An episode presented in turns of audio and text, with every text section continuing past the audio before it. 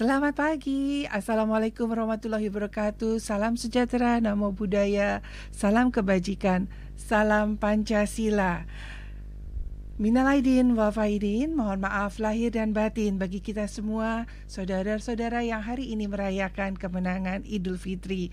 Nasional ISMI pada pagi hari ini bersama-sama akan tetap terus bersama-sama untuk kita dari Sabang sampai Merauke, Aceh sampai Papua. Nah, pada pagi hari ini saya masih sendiri teman-teman, tetapi sebentar lagi teman saya yang ganteng satu ini dalam perjalanan masih bersilaturahmi rupanya salam salaman dan dia akan bersama-sama dengan kita di sini. Nah, pada pagi hari ini sebelumnya saya ingin mengucapkan terima kasih untuk dukungan acara ini yang didukung oleh Kementerian Dalam Negeri, Yayasan Bentang Merah Putih, Yayasan Pandu Pemimpin Cinta Bangsa, Bank Sentral Asia, tanda seru.id. Nah, bagi teman-teman sekalian yang ingin nanti terlibat di dalam komunikasi komunikasi kita, bisa bertanya, bisa bercerita, atau mungkin memberikan kritik dan saran di dalam Nasional ISMI dapat menghubungi di 0813 8875 2949. Saya ulangi 0813 88752949.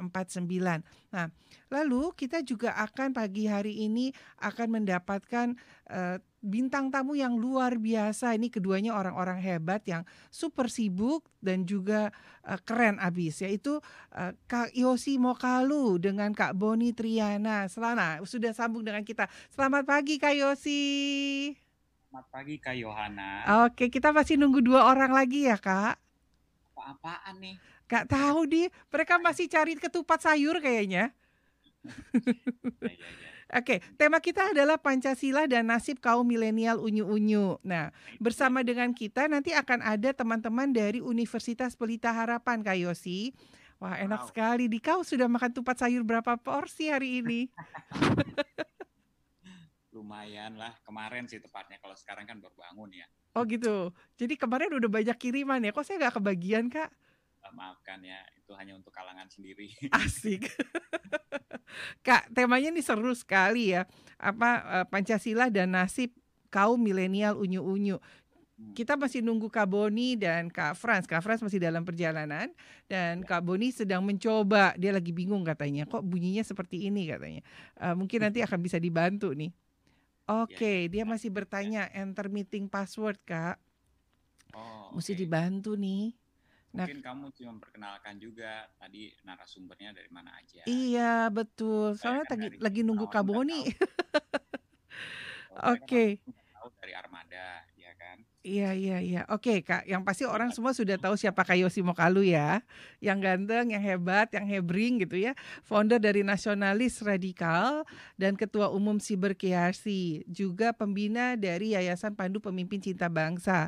Lalu kita ada Kak Boni Triana, investigator masa lalu, sejarawan dan pemrethistoria.id.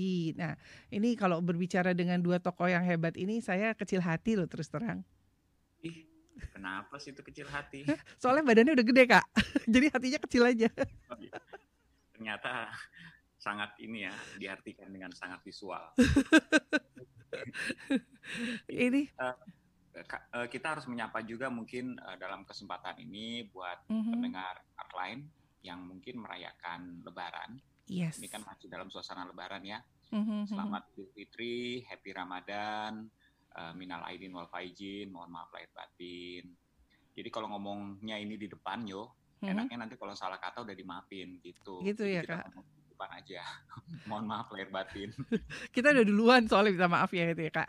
Oh iya Kak, kemar minggu lalu kita mendapatkan tiga pemenang mahasiswa UHAMKA yaitu hadiah tunai Rp400.000 dipotong pajak Kak. Ini ada Aziza Resti Ayu, Robi Saputra dan Safira Asri dan juga ada pemenang merchandise ada Ali Maksum dari Jepara. Nah, mereka ini uh, ketiga orang yang memenangkan hadiah merupakan representatif yang universitasnya kita undang minggu lalu yaitu Universitas Muhammadiyah Profesor Dr. Hamka. Nah, nah, bagi yang sekarang nih Kak, gampang sih Kak. Mereka hanya mendengarkan pembicaraan kita selama satu jam. Nanti kita akan kasih pertanyaan kepada mereka dan mereka ya. bisa menjawab melalui WhatsApp di 0813 8875 2949. Nah, di situ Kak. Jadi nanti Kakak boleh kasih pertanyaan, silakan atau saya juga boleh. Pokoknya yang menang nanti bisa dapat hadiah Rp400.000 tapi harus dipotong pajak ya, Kak. Jangan kita yang bayarin, Kak. Oke, nomor nomor WhatsApp-nya adalah 0813 8875 2949 ya. Yes, itu nomor WhatsApp-nya nakal, Kak. Ya, nakal ya, kayak penyiar di sana aja. Asik. Saya tahu kamu bukan catatan kan? Kak, gimana? Kita mau memulai? Apa kita masih mau menunggu karena uh, Kak Boni masih berusaha mencoba? Oh, saya rasa sih mulai aja. Nanti bisa um, masuk di tengah pembicaraan daripada waktunya sayang terbuang. Kan teman-teman dari UPH dan juga pendengar hotline yang lainnya dari Sabang sampai Merauke sudah mendengarkan. Jadi gimana kalau kita mulai? Kenapa judulnya milenial unyu-unyu nih? Nah. Yo, saya punya pertanyaan nih Lucy. saya nanya duluan. yang pasti uh, generasinya kita membahas universitas. Sebetulnya kalau kita bahas universitas ada sebagian yang milenial, ada sebagian yang sudah di bawahnya milenial. Nah, unyu-unyu ya. ini nih ke satu satu kalimat yang gemesin ya kak ya. Nah harusnya nanti kita tanya sama Kak Boni. Ini kalimat unyu-unyu nih idenya dari Kak Boni nih kak. Nah tapi saya balik lagi sekarang sama Kak Yosi. nah emang ada apa sih dengan nasibnya Pancasila kak di Indonesia? Jadi kalau kita lihat um, Pancasila ini sebenarnya sekarang sudah tidak memiliki sebuah fasilitas pengajaran okay. um, yang um, resmi ya, yang resmi. Kita tahu dulu uh, kita memiliki P4 pedoman penghayatan Pancasila itu tahun 73 sebenarnya sudah diberlakukan di sistem pendidikan kita.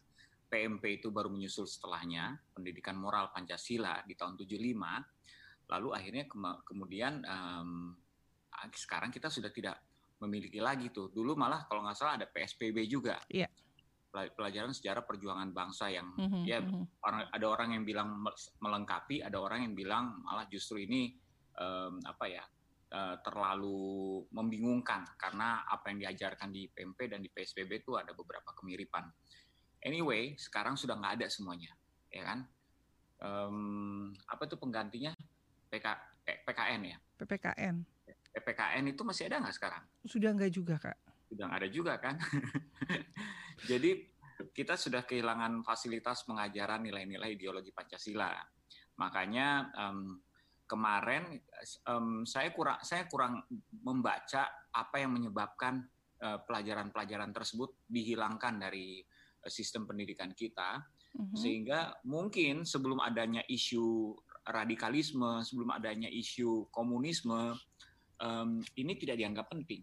Tapi kemarin kita lihat menjelang pilkada dan pemilu, isu itu diangkat lagi radikalisme dan sosial eh, komunisme. Jadi orang mulai melihat kan ini adalah um, isu yang mengancam atau uh, ideologi yang mengancam ideologi Pancasila karena berbeda baik mm -hmm. komunis maupun radikal, ya kan? Radikal di sini yang dimaksudkan adalah yang bertolak belakang dengan Pancasila. Jadi uh, radikalisme sendiri kita mesti melihatnya sebagai suatu kata yang yang objektif bisa menjelaskan macam macam-macam. Mm-hmm. karena kan kalau uh, di uh, kalau saya kan punya gerakan juga radikal tapi namanya nasionalisme radikal. Nah, jadi itu. yang radikal adalah nasionalismenya ya kan? Jadi um, itu yang saya rasa sekarang menjadi PR kita dan pertanyaan kita bersama. Apakah uh, perlu diadakan kembali uh, fasilitas ini mengajarkan anak-anak uh, milenial atau anak-anak Gen X yang dibawanya pelajaran Pancasila kembali supaya mereka tidak disesatkan oleh ideologi-ideologi yang lain. Okay. Mereka mau tertarik untuk belajar karena salah satu uh, landasan pendirian bangsa ini kan dibutuhkan ideologi dan dasar negara. Nah, berarti ini memegang peranan penting Pancasila dan Frans sedang ada di pintu dan lagi ngintip. Silakan ya, masuk. Ah, Mina Aidin Wa Faidin. Halo, halo, selamat pagi. Pagi. Kita kita teruskan Kak, terus. ya, jadi jadi itulah sebabnya kenapa kita masih penting untuk membahas ini, apalagi karena sudah tidak dibahas di sekolah-sekolah bukan. Hmm. Jadi kalau ada sebuah event yang uh, mengadakan tema tentang Pancasila, apalagi itu dikaitkan sama yang muda-muda, saya rasa itu penting dan bagus sekali sekarang ini karena um, ketertarikan mereka sama Pancasila berbeda dengan ketertarikan uh, zaman dulu. kita dulu ya karena ada sistemnya, ada pendidikannya, bahkan boleh dikatakan dipaksa untuk mengerti ideologi dan dasar negara kita, gitu loh. Ada juga sih yang tidak ter merasa terpaksa dan merasa penting, tetapi eh, di zaman itu eh, PMP, P4 itu dipaksa untuk bisa dimengerti oleh generasi-generasi di bawahnya eh, dan sehingga bisa tentu saja jangka panjangnya ini menjaga keutuhan bangsa. Oke. Nah, kalau berbicara tadi ya, berarti ada nggak sih yang kalian lihat di lapangan kelunturan dari nilai-nilai tersebut gitu loh di zamannya kita, ya zaman kita. Saya di bawah kakak kayaknya harusnya. gitu loh. Saya seangkatan nama Franz. Oh, saya di bawah dirimu. Angkatan kota kita. Angkutan ya. Nah, suaranya masih kecil, dikutak-atik dulu deh. Ah, oke. Okay. Ya. Tuh. Nah, apa apa audio uh, mic-nya. Ya, Kak, uh, apa yang dilihat di lapangan kelunturan-kelunturan apa yang sebetulnya sehingga juga membuat Kakak memiliki uh, satu harapan dengan mendirikannya komunitas nakal ini, Kak? Iya, karena memang panggilannya uh, saya rasa kan teman-teman juga banyak yang bergabung di uh, nasionalisme radikal karena kita melihat lunturnya isme nasional dari um, sebagian besar dari uh, generasi Eh, di Indonesia di bawah. Walaupun saya tidak, kita tidak pernah melakukan sebuah survei tertentu, tetapi itu cukup terlihat jelas di masa-masa uh, kampanye politik kemarin. Begitu mudah orang diutak-atik dan diobrak mengobrak-ngabrik nilai-nilai Pancasila begitu loh. Mm -hmm. um, seperti misalnya um, apa namanya kita temukan uh, ada pe, istilahnya apa ya penyimpangan um, dari informasi sejarah tentang Pancasila misalnya gitu sehingga orang biasanya kan yang dibahas itu terutama di sila pertama ketuhanan yang maha esa. Mm-hmm. Ya kan orang selalu mengaitkan yang benar adalah yang sesuai dengan piagam Jakarta. Ini maksudnya salah satu penyimpangan sejarahnya. Makanya nanti kalau yang kayak gini kayak gini paling enak ngobrol sama yang baru bergabung sama kita nih. Nah, selamat pagi Kak Boni. Selamat pagi. Mina Aidin Wal Faidin, maaf lahir batin. Mas Boni, pas banget saya kasih bridging sejarah. Jadi begitu bridging sejarah udah urusannya historia nih. Nah, tapi ada sedikit masalah di itu apa di passwordnya jadi nggak bisa masuk langsung. Oh, sekarang udah masuk kok kak, udah aman. Udah udah udah. Udah aman. ya pas banget ya memang kalau misalnya kita ngomongin Pancasila di mana generasi milenial um, ketertarikannya berbeda, tapi dengan kita belajar tentang sejarah ini akan membuat kita menjadi lebih mengenal lagi tentang perjalanan bangsa Indonesia dengan dengan itu semoga ke ke ke apa ya rasa mencintai rasa nasionalisme itu juga semakin meningkat dengan mengenal sejarah perjalanan bangsa kita sendiri ya. Iya betul. Nah kak tadi pertanyaannya ada cukup banyak nih tapi kita satu-satu dulu deh Bak Kaboni.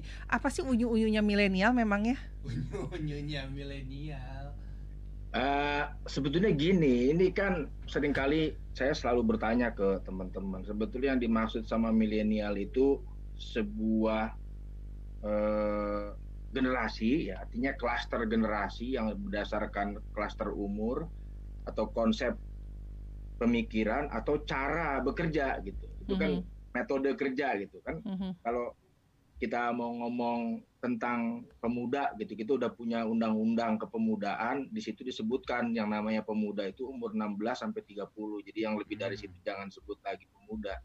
Kalau merujuk kepada ketentuan formal undang-undang. Saya berbahagia Pak Budi Kak. Ya. Jadi jadi kalau misalkan kalau misalkan uh, milenial itu kan mereka yang lahir ya 90 ke sini lah tahun 90-an ke sini gitu kan. Tapi menurut saya yang lebih penting diperiksa adalah cara berpikirnya.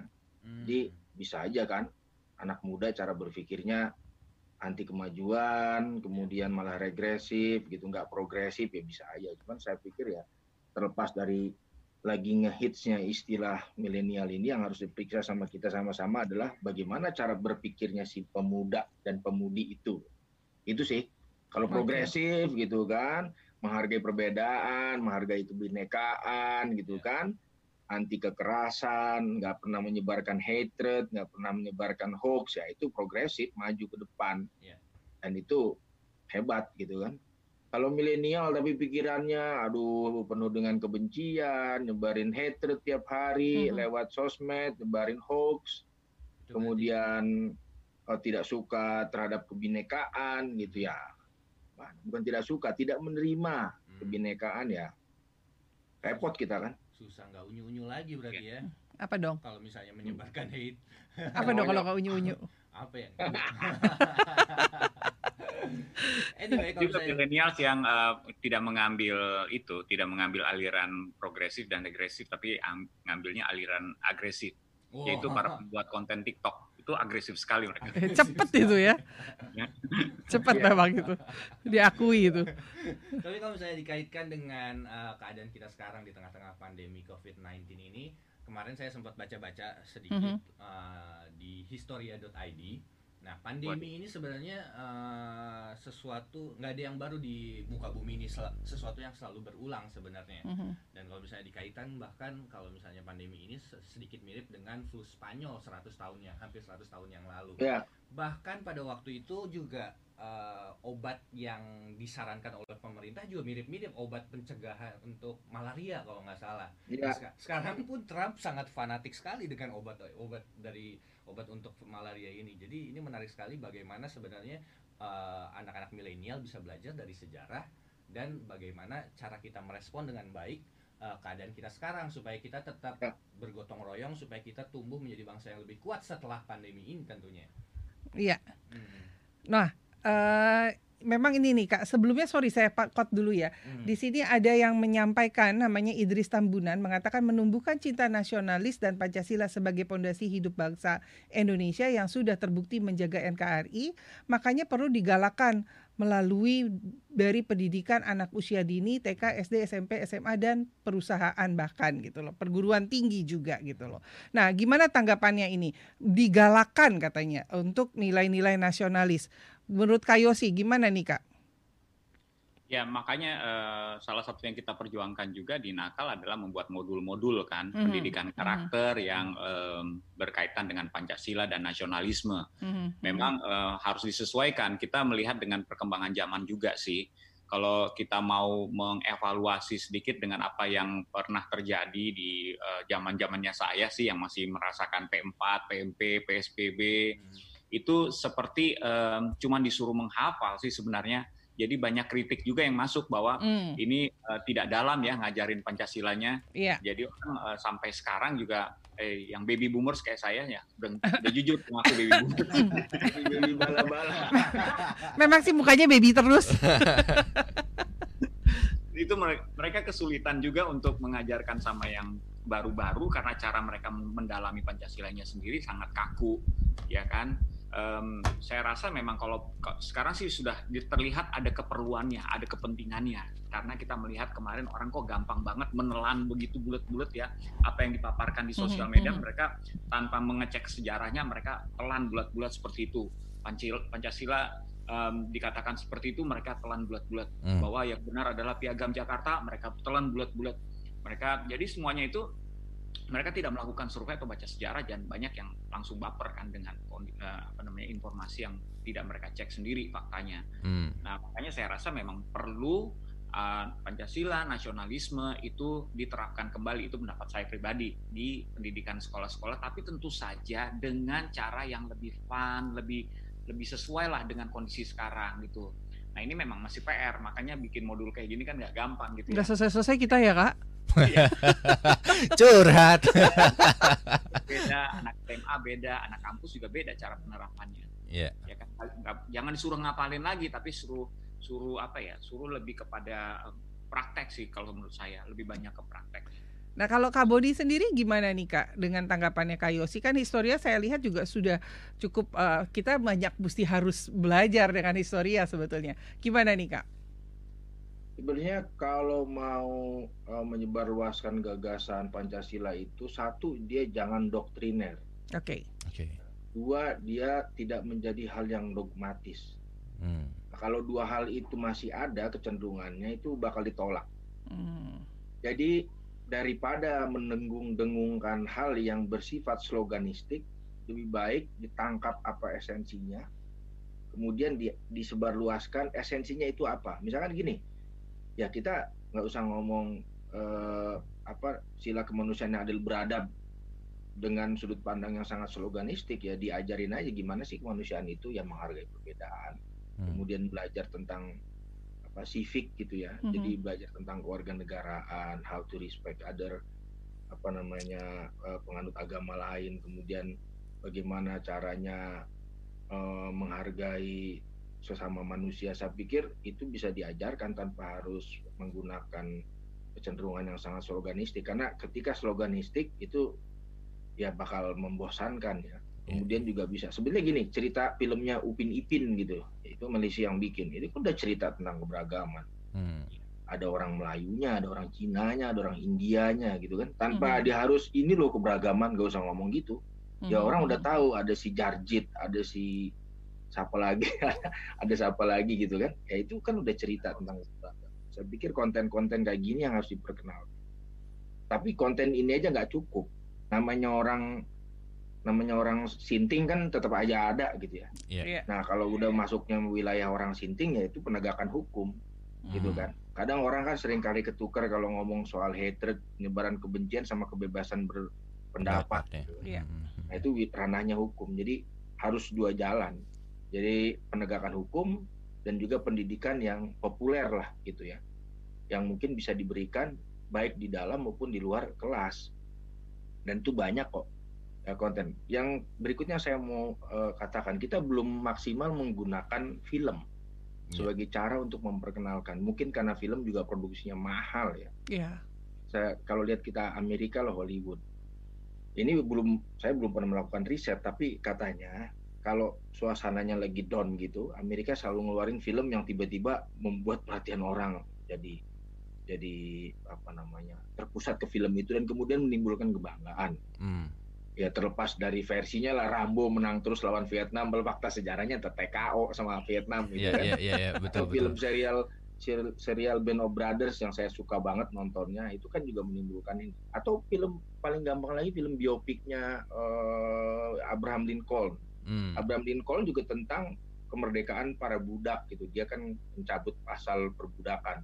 Kita kan punya banyak tokoh, punya banyak tokoh. Yeah. Soekarno, Sahrir, Tan Malaka, Hatta, orang-orang yang pada masa itu sangat kosmopolitan, yang bergaul dengan berbagai macam orang di seluruh dunia, bergaul dengan berbagai macam orang dengan latar belakang agama yang beda, dan menggunakan bahasa mereka.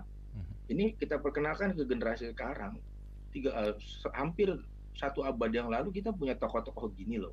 Yeah. Mm-hmm. Nah ini kan mm-hmm. juga medium yang baik film nih. Memang ya harus bicara sama pemerintah, sama sektor apa namanya, sama uh, produser film, pemodalnya gitu. Mau enggak nih bikin-bikin film seperti ini gitu. Tapi yang menarik secara sinematografis digarap yang menarik, skenario nya menarik, film menarik. Jadi ya orang mau nonton, gak usah ngomong, gak usah diajarin gitu ya, yeah, yeah. gak usah uh, preachy gitu nggak usah dikotbahin orang mau nonton gitu ya.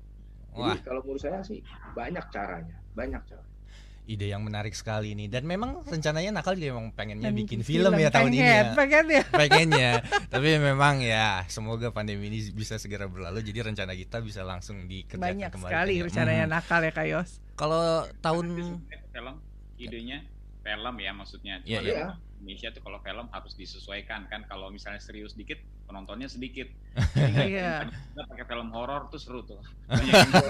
film horor kalau bikinnya nggak serius kan juga nggak laku. Iya iya. iya.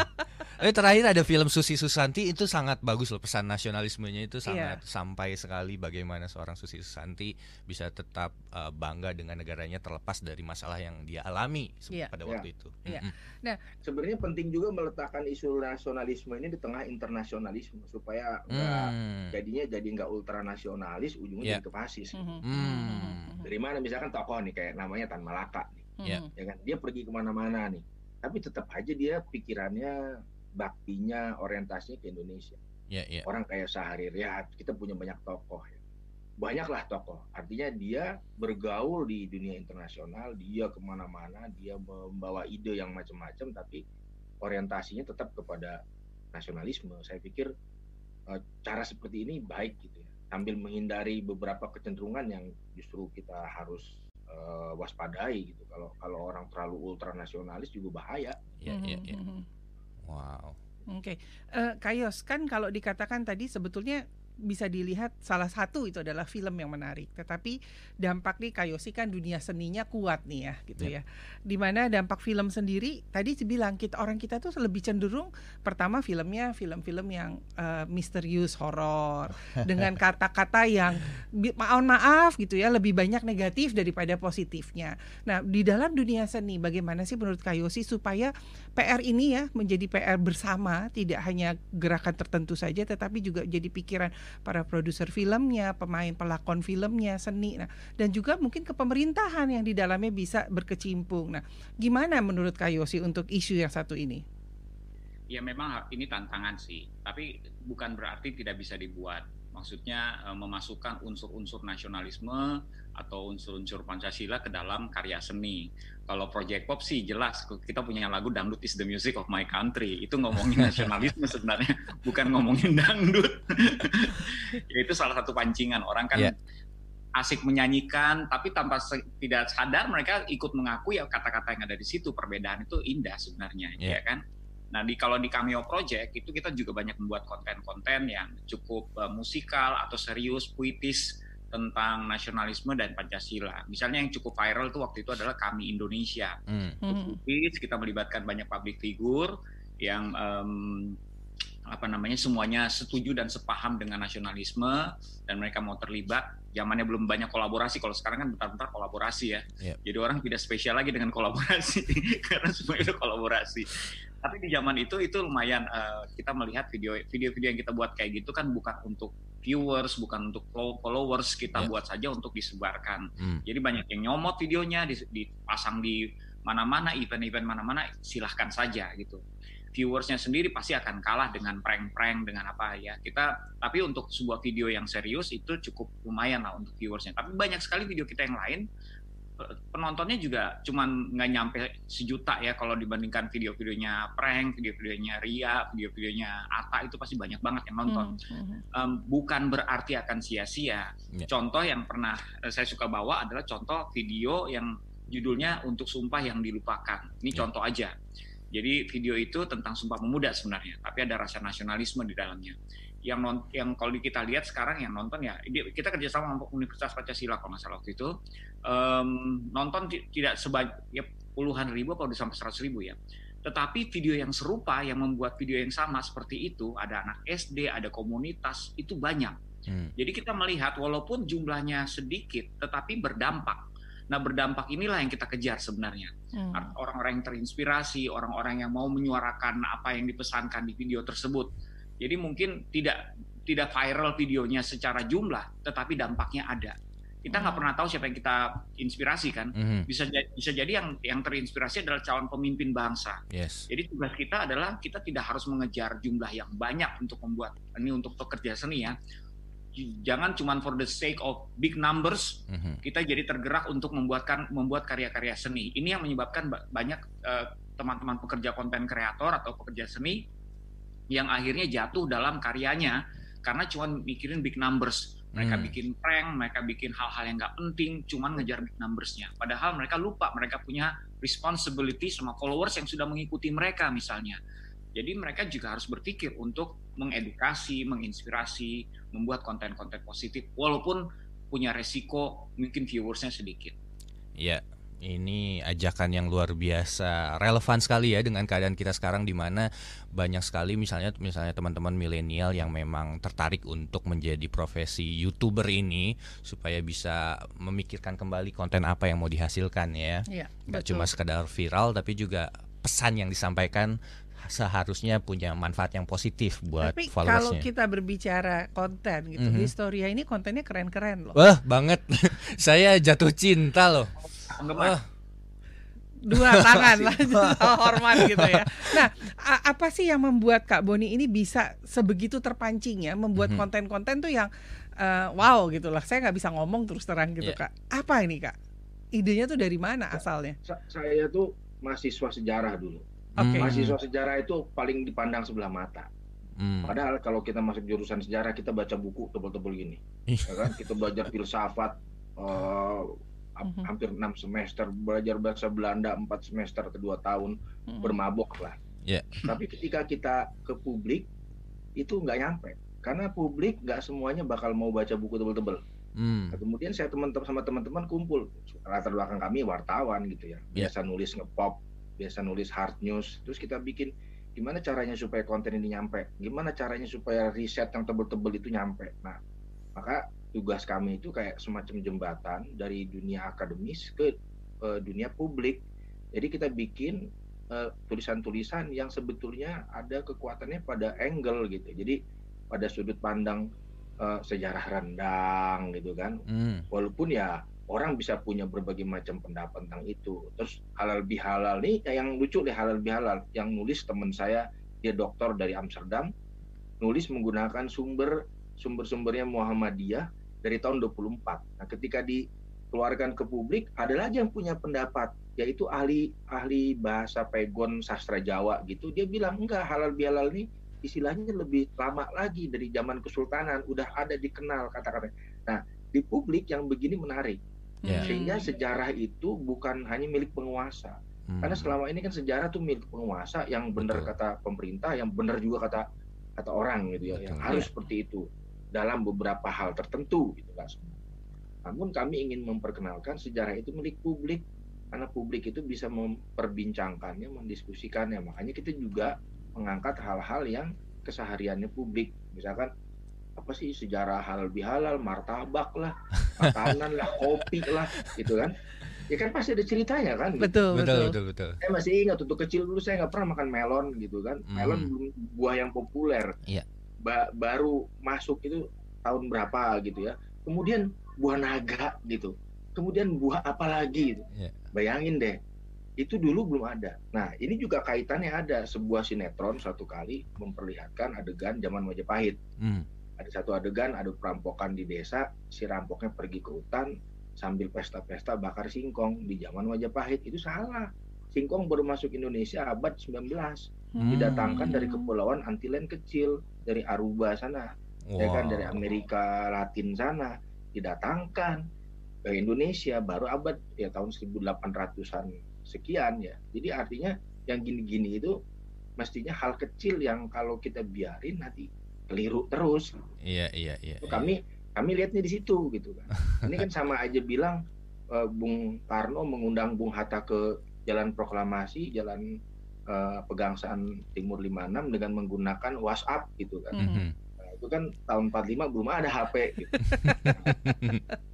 kesalahan-kesalahan anakronisme ini yang salah satunya membuat kami juga uh, ter terdorong untuk menghasilkan konten-konten uh, sejarah yang yang ngepop gitu yang disukai sama anak muda kita juga bikin Instagramnya kita bikin gini deh kita nggak mau berharap semua orang suka sama sejarah apalagi jadi mahasiswa jurusan sejarah nggak tapi paling nggak kita ingin membuat mereka kayak uh, merasakan teaser gitu ya jadi kita juga bikin video history in one minute gitu kan. History in one minute itu apa? Ya seminit aja. Orang kalau suka ya cari sendiri pengetahuannya. Kalau nggak suka ya cukup di situ aja. Tapi paling nggak cara-cara seperti ini yang kita bisa berikan kepada mereka supaya punya kesadaran sejarah. Hmm. Terlebih belajar sejarah itu bukan supaya bikin anak muda jadi hafal angka tahun, hafal nama tokoh, hafal bukan. Tujuan dari belajar sejarah adalah membuat mereka punya daya pikir yang kritis, logis, rasional. Karena sejarah itu dipakai memakai hukum sebab akibat, hukum kausalitas. Kenapa ada mobil? Karena ada penemuan. Kenapa penemuan seperti ini? Karena ada revolusi industri misalkan. Nah, cara-cara berpikir yang tersistematis berdasarkan hukum kausalitas ini kan membuat orang jadi punya cara berpikir logis dan kritis kan jadi yeah. kita butuhkan kan. Yeah. Jadi yeah, yeah, yeah. besok kalau dia jadi dokter, kalau ada pasien datang sakit perut bukan karena santet, tapi dia periksa karena apa, karena bakteri, karena apa. Gitu. Jadi kira-kira gitulah. Iya, pas ya. banget ya kalau misalnya kau uh, misalnya anak-anak milenial kita uh, pikirannya kritis, logis dan juga rasional karena yeah. dia belajar sejarah. Betul, luar biasa. Berkomong sejarah, uh -huh. ini kita akan break dulu dengan satu lagunya dari ini khusus requestnya, lagi lagunya untuk nasionalis yaitu dari Project Pop. Woi.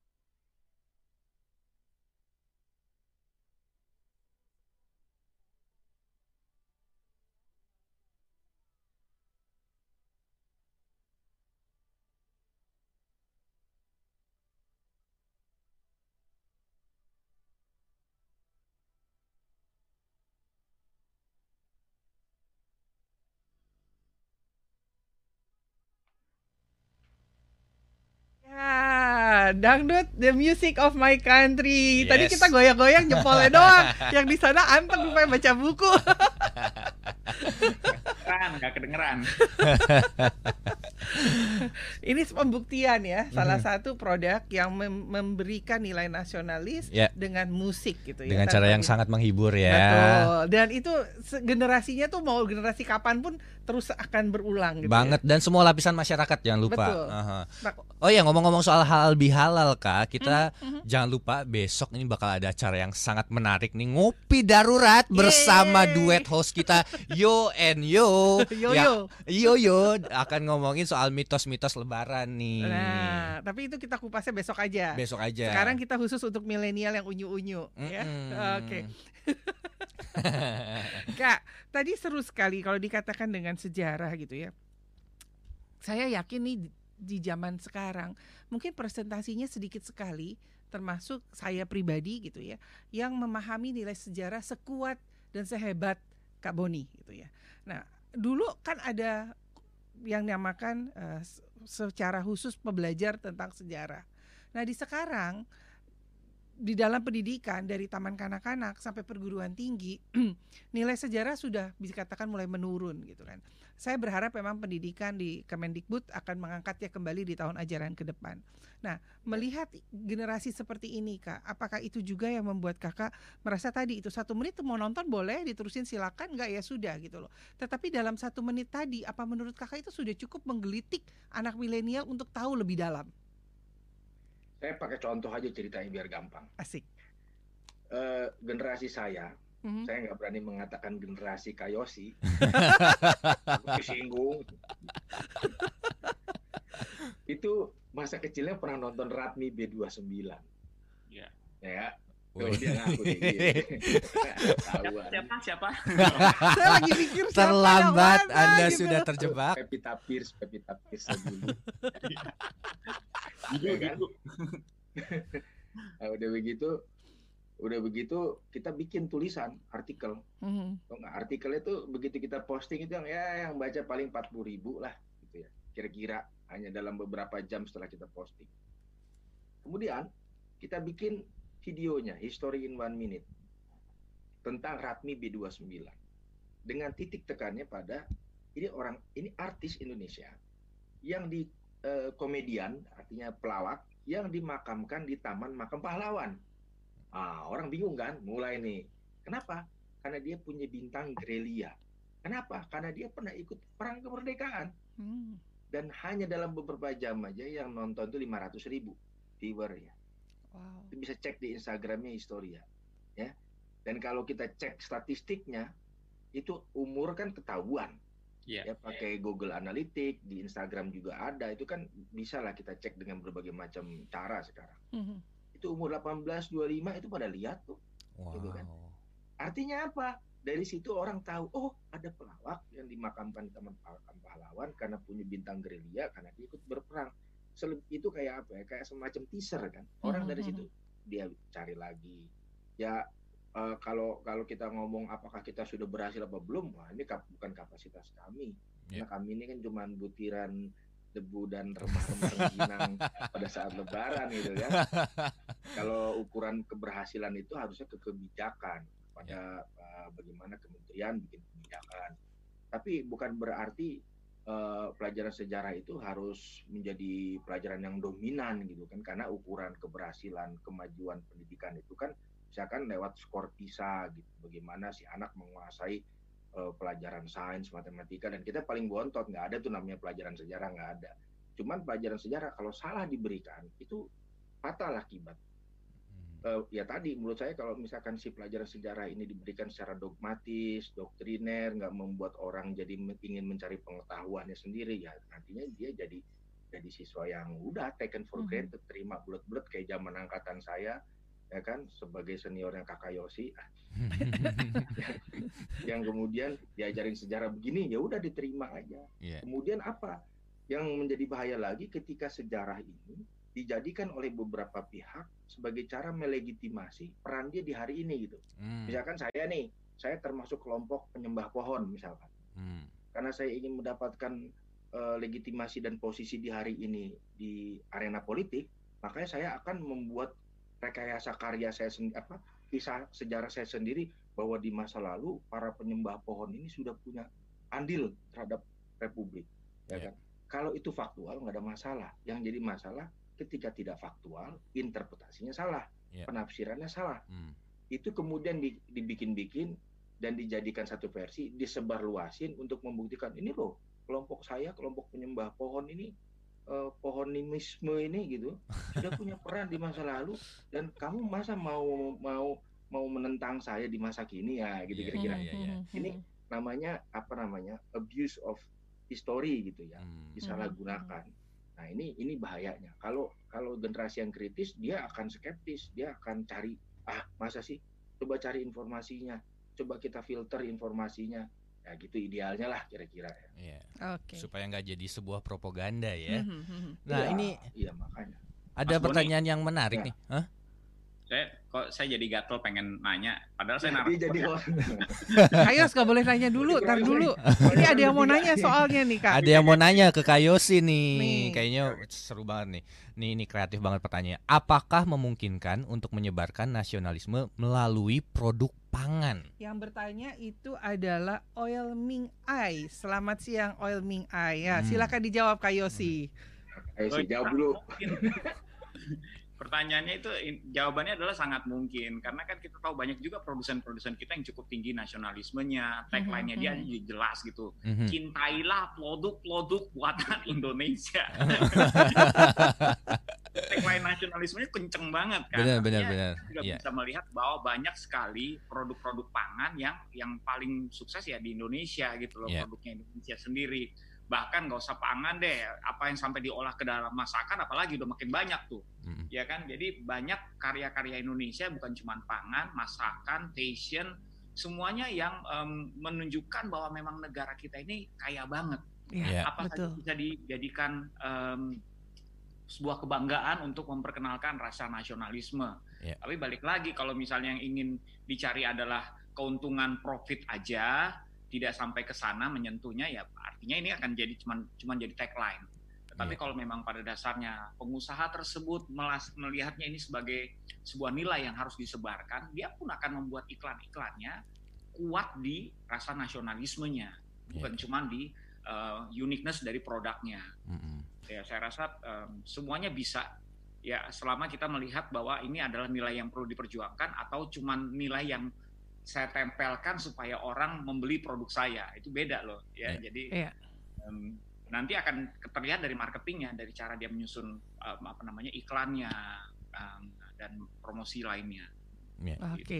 Dan sebenarnya nah, banyak sekali produk pangan yang sebenarnya terkenal di luar di luar negeri ya dari Indonesia seperti rendang. Rendang itu terkenal banget di luar iya. negeri. Di Indonesia. semua di halal bihalalnya di luar itu, mm -hmm. itu makanan pokok tuh rendang sambal goreng hati. Waduh, jadi lapar ngomongin makanan tiba-tiba. Soalnya pertanyaannya pangan. Oh. Ini ada dari Kristina Setiawan yang menyatakan gini, semua yang ditabur dengan air mata dan jeripaya pasti akan dituai juga kakak. Selalu semangat. Terima oh, kasih Kristina Setiawan. Semangat. Nah, Kak Yosi mau nanya apa? Silakan, Kak. Iya, soalnya saya kan gatel juga nih. Saya rasa um, ini takutnya saya pendapatnya terlalu subjektif. Jadi saya mau nanya Mas Boni, Mas Boni ini di Indonesia ini apakah masih perlu ada beberapa sejarah kita yang diluruskan? Karena banyak sejarah yang saya lihat ya saya pikir ini masih belum komplit, belum diluruskan. Masih kadang-kadang ada kepentingan uh, pemerintahan tertentu sehingga itu masih ditutupi atau masih masih tidak perlu pembuktian sama sekali malah mungkin ya. Jadi ya um, kita kalau zamannya saya, zamannya Mas Boni kita sampai nek tuh nonton G30 SPKI yes. misalnya kayak gitu. Mm. Oh, kita disuruh nonton tuh setiap mm. uh, siap uh, setiap bulan September. Nah, kita pertanyaannya adalah even di situ pun saya melihat bahwa ada beberapa kejanggalan, tapi kita tidak membahas filmnya, kita membahas sejarahnya. Apakah Indonesia ini masih perlu sejarah ini apalagi kita ngomongin Pancasila sekarang kan ideologi itu penting banget sejarah-sejarah yang perlu diluruskan. Ya. Gimana? Sebentar Kak, ini pertanyaan yang sama dari uh, Brian. Saya ingin bertanya khususnya pada Kak Boni dari Historia. Apakah sampai sekarang sejarah Indonesia secara aktif masih dikaji ulang balik oleh pemerintah ataupun organisasi non pemerintah? Jika iya, apakah mungkin terjadi revisi terhadap sejarah Indonesia yang dianggap keliru? Saya rasa ini selinier dengan pertanyaannya Kak Yosi. Silakan Kak Boni. Jadi begini, uh, di masa lalu sejarah itu digunakan sebagai propaganda. Tadi kan sudah disebut-sebut sama kita. Di masa lalu sejarah itu digunakan sebagai uh, alat yang ditafsirkan secara sepihak oleh penguasa untuk legitimasi kedudukan atau eksistensi politiknya. Ini yang harus diluruskan. Jadi tujuan dari sejarah itu yang harus diluruskan, harus diperbaiki tapi kalau di dalam istilah penulisan sejarah, di ilmunya nih, di, di, di kajian sejarah itu nggak ada istilah pelurusan. Yang hmm. ada itu penulisan kembali, ya, hmm. uh, rewriting. Jadi menulis kembali sejarah. Karena sejarah itu kan uh, sebagai sebuah peristiwa dia tidak uh, bisa kita ulangin lagi. Hmm. Jadi kalau bahasa bahasa Ciparainya mah itu uh, ain maleh gitu ya, hanya terjadi sekali. Gitu. Nah, sejarah itu karena terjadi sekali, dia mengandalkan kepada kesaksian-kesaksian, dokumen-dokumen segala macam. Semakin dia banyak dokumennya, semakin dia mendekati kebenaran itu. Hmm. Jadi, nah yang bahaya ini adalah ketika ada kecelakaan di perempatan motor, eh di kecelakaan motor di perempatan, empat orang saksi gitu. Yang ditanya cuma satu saksi dan saksi yang satu itu dianggap sebagai sebuah kebenaran. Yeah. Itu yang bahaya. Karena dia menghilangkan potensi kebenaran di tiga pihak lainnya. Hmm. Nah yang selama ini kita terima itu cuma satu, hmm. ya kan satu dan menutup kemungkinan yang tiga. Begitu kita dengar yang tiga, kita dapat tuduhan subversif lah, tuduhan membangkitkan ini, membangkitkan itulah, ya kan? Ini yang bahaya. Ini kenapa saya bilang tadi sejarah harusnya milik publik, karena dengan itu kita bisa mendengarkan keempat ini. Nah, eh, bagaimana caranya kita eh, memperbaiki ini semua? Ya dengan menulis ulang, menulis ulang, mengajarkannya, gitu kan? Nah, yang yang salah itu kan begini. Oh, kita selalu menerima stigma tentang PKI. Yeah. PKI-nya udah dibubarin 12 Maret 1966, mm -hmm. 56 tahun yang lalu gitu ya. Nah, tapi terus didengung-dengungkan orang di politik ributin. Padahal kita juga pemberontakan ada DITII, yes. yeah. ada PRRI Permesta, mm -hmm. ya, ada beberapa kejadian-kejadian pemberontakan. Kenapa itu tidak jadi stigma? Ini hmm. ada kaitannya dengan pada pada masa yang lalu penguasa membutuhkan ini sebagai carbon enemy karena rise from the tray-nya alasan keberadaan mereka karena ini gitu loh ya kan sehingga itu dihidupkan terus sebagai sebuah cara untuk membuat orang oh selalu ada bahaya dan kami selalu punya pelindungnya si satu kelompok ini hmm. nah di masa sekarang saya pikir itu sejarah yang dibawa ke wilayah politik hmm. dibawa ke wilayah kontestasi kekuasaan tapi kalau Anda masuk ke kampus, ya kan, yang bikin disertasi doktor dari peristiwa ini udah banyak. Hmm. Yang bikin master tesis udah banyak. Saya menulis skripsi tentang peristiwa yang sama. Hmm. Artinya apa? Sebetulnya di dalam dunia akademi udah banyak. Okay. Cuman tugas memperkenalkannya ke audiens, ke publik, itu yang sedang kami lakukan. Itu kan mendapatkan tentangan-tentangan. Yeah. Jadi gini, yeah. kalau kami lagi nulis oh, tentang sejarah PKI ya kami dituduh PKI itu yes. sama kayak logika yang digunakan peneliti kodok udah pasti kodok gitu kan? Mm -hmm. Harus belum tentu. Nah kami juga memperkenalkan sejarah hasanah sejarah yang lain dari Nusantara. Sejarah Islam sejarah Hindu Buddha macam-macam ada semua. Ini cara kami untuk memberikan berbagi pengetahuan kepada publik bahwa yang tadi saya bilang jembatan dari dunia akademis itu bahwa riset sejarah itu udah sedemikian majunya gitu Ya. Kan sejarah juga ilmu pengetahuan. Dia punya metode dan metodologi. Nggak bisa tuh sejarah pakai perasaan. Perasaan sih ini bener deh. Perasaan sih itu salah deh nggak bisa. Jadi dia harus pakai riset. Riset itu ada metodenya dan dibimbing oleh metodologi. Hmm. Jadi nggak bisa sembarangan gitu kan. Jadi dia di cross check. Misalkan uh, Kayosi bilang menjadi saksi di satu peristiwa. Nah kita harus cross check lagi pakai sumber lain. Nah ini yang sebetulnya bisa kita perkenalkan kepada publik sejarah yang kebenarannya berdasarkan kebenaran ilmu pengetahuan, kebenaran sains yang kalau nanti ada bukti baru ya kita harus terima gitu. Ya. Ditulis nah, lagi. Jadi hmm. jadi seperti itu dialognya. Jadi membuat orang menjadi lebih dewasa dalam menghadapi perbedaan. Kayak ribut-ribut soal kris kemarin gitu yang saya sama Pak Dirjen Kebudayaan dari Belanda saya ikut jemput gitu kan kris di Ponorogo. Hmm. Rame kan, mau ada kris nggak apa-apa. Tapi kan orang jadi jadi ngomongin di Ponorogo semua, yeah, yeah, jadi yeah. ngomongin Kris semua, yeah. jadi ngomongin sejarah Jawa semua. Mm. Yeah. Ya begitu harusnya. jadi sebuah umpan ya. ya ya ya paling enggak dari situ kan kita uh, jadi uh, membicarakan tema ini. Jadi okay. menurut saya sekarang tuh di era medsos ini uh, kayaknya semua orang ngomongin semua hal ya, tapi beberapa hal yang penting jarang diomongin gitu. Nah ini kesempatan mungkin buat teman-teman komunitas anak nakal nih, anak nakal gitu ya. Saya pikir untuk mengisi ruang-ruang uh, media sosial yang selama ini belum terisi dengan konten-konten yang bermutu gitu. Hmm. Kan aduh repot gitu. Saya kadang-kadang baca-baca konten-konten tuh dilawanin bagaimana kagak dilawanin begini ah Gebes, bodoh ya, lah gitu kan kalau sendirian serah Indonesia tapi kan kalau kita sama-sama rame-rame ayo sih nah, jadi abis ini PR kita ketemuan nih Kak Boni meeting lagi ya, kak. Rame-rame kak. Minimal kalau bikin film kita bikin film yang sejarahnya sesuai ya, ya. Mm-hmm. berarti kita, artinya ya. setiap orang bisa saja menulis ulang sejarah dengan perspektif matanya sendiri gitu kan. Bisa dari banyak sumber bisa juga cuma satu sumber. Nah apakah uh, kekuatan orang tersebut katakan misalnya ya maaf nih misalnya Kayosi Mokalu seorang yang influencer luar biasa se-Indonesia bahkan di luar internasional pun terkenal gitu. Waduh, geleng-geleng deh ya. Lalu beliau menulis sejarah dengan perspektif mata Kayosi gitu. Apakah itu juga bisa dikatakan menjadi bagian dari uh, rewriting sejarah tersebut dan bisa diterima? Konotasi penerimaannya itu sejauh apa? Gini, kalau uh, menulis sejarah berdasarkan per, gini, Kayosi mau menulis sejarah itu diperbolehkan se, se apa selama dia mematuhi mematuhi metodenya. Ada hmm. heuristik pencarian bahan, ada kritik terhadap bahan, kemudian ada proses interpretasi bla bla bla ya. Selama itu bisa ya. Dan ingat sejarah itu berkaitan dengan masyarakat yang hidup dalam kurun waktu tertentu dan itu ada mengandung perubahan-perubahan di situ.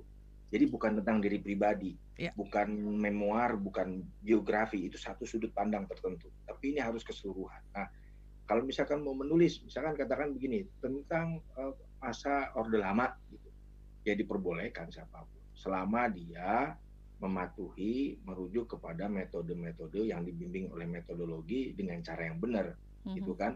Karena sejarah juga ilmu pengetahuan dan uh, saya misalkan yang dididik secara profesional di kampus sebagai sarjana sejarah, sebagai sejarawan, itu kayak gitu udah ngelotok gitu kan. Hmm. harus ada buktinya harus ada sumber sumber itu dibagi-bagi lagi. Misalkan sih cuma pakai buku ya susah. Buku itu sumber sekunder misalkan.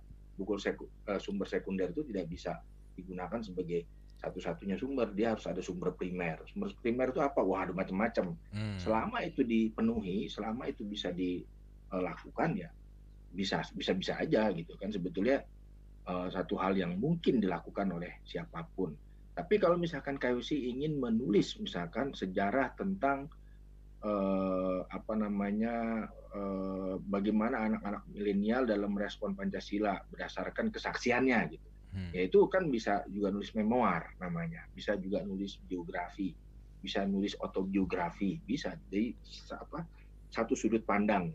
Saya pikir paham deh semua hmm, hmm, hmm. gitu ya. Nah. Oke. Okay. Wow, nggak kerasa udah satu jam nih kak. Pengennya lebih panjang. Pengennya jadi lebih panjang kalau ngomong Kayaknya sejarah. abis ini kita akan mengundang Kak Boni di Ngupi Darurat kak, yang dua jam ya. Nanti kita tunggu cari waktunya ya Kak Yos ya. Hmm. Kak Yosi, ada nggak mau memberikan pertanyaan ke untuk audiens nih uh, dalam anak-anak UPH yang akan mendapatkan hadiah 400 ribu rupiah untuk tiga orang dan juga untuk merchandise yang keren hmm. ya dari nakal gitu ya. Kak Yosi mau memberikan pertanyaan apa buat teman-teman kita di Indonesia? Um, oh jadi pertanyaannya dari saya ya? Boleh dong, sekali-sekali saya kasih tugas. Kita kan sebenarnya hari ini juga ada judul Pancasilanya ya. Iya. Hmm. Jadi pertanyaan saya um, ingin menanyakan ini aja sih. Sebenarnya Pancasila itu sangat berhubungan loh setiap uh, silanya, sangat berhubungan ya. -hmm. uh, saya kasih satu contoh deh kemanusiaan yang adil dan beradab itu berhubungan dengan ketuhanan yang Maha Esa. Hmm. Karena rasa kemanusiaan itu akan lahir dari orang-orang yang beragama, orang-orang yang mengenal Tuhannya dengan benar. Baru mereka akan setiap agama mengajarkan kemanusiaan. Hmm. Contoh gitu. Hmm. Ada nggak yang bisa melukiskan hubungan sila yang lain? Nah, itu Dalam ya. Dalam. Saya. Kita lihat minggu depan siapa yang nah, menang ya kak. Ini sebenarnya berkaitan dengan mengajarkan esensi, bukan cuma menghafal. Nih. Betul. Wah, luar biasa. Siapa dulu Pak Karya? nah, Kak Boni terakhir ada nggak pesan khusus yang ingin disampaikan untuk bangsa Indonesia terkait dengan Pancasila dan sejarah tentunya? Saya pikir uh, seperti kata Bung Karno ya yang menggali Pancasila. Dia nggak pernah mengklaim bahwa dia itu penemu atau mm-hmm. penggagas. Dia menggali penggali. Artinya memang Pancasila itu sudah ada di bumi Indonesia dan dia bagian yang inheren dari mhm. Indonesia. Artinya keberagaman itu takdirnya bangsa Indonesia ya mm. terima. Jadi jangan melawan takdir lah seperti itu. Ya, jas merah ya. Jangan sampai melupakan sejarah kalau kata Bung Karno. Iya. Hmm. kayak sih. Ya Oh, ini pesan ya? Iya. Ya. Kalau pesannya seperti anak nakal biasanya, jangan lupakan kewarganegaraan itu bukan pilihan kita, yes. tapi Tuhan pilihkan buat kita. Jadi eh, apresiasi itu percayalah bukan suatu kebetulan berada di Indonesia, berarti ada satu bangsa yang Tuhan percayakan untuk kita sama-sama bangun. Jadi jangan sibuk memikirkan, memikirkan dirinya sendiri, tapi eh, menyadari identitasnya sebagai warga negara atau satu bangsa dengan bangsa yang lain dengan Indonesia warga negara Indonesia yang lain mantap Keren. terima kasih. Terima kasih. Kalau semua anak milenial kayak gini akan tetap unyu-unyu nih. Nggak harus milenial doang sih. Di atas dan di bawahnya milenial. juga boleh dong. mau kolonial tetap unyu-unyu. Oh harus unyu-unyu selalu. Generasi kolonial. Oke, uh, terima kasih banyak Kak Boni, Kak Yosi atas waktunya tanpa serasa satu jam bersama-sama dengan Nasionalisme. Uh, akhirnya saya Yohana Elizabeth Harjadinata. Dan saya Francis Kolas. Ada Kak Yosi Mokalu dan Boni Triana mengucapkan salam Pancasila. Pancasila.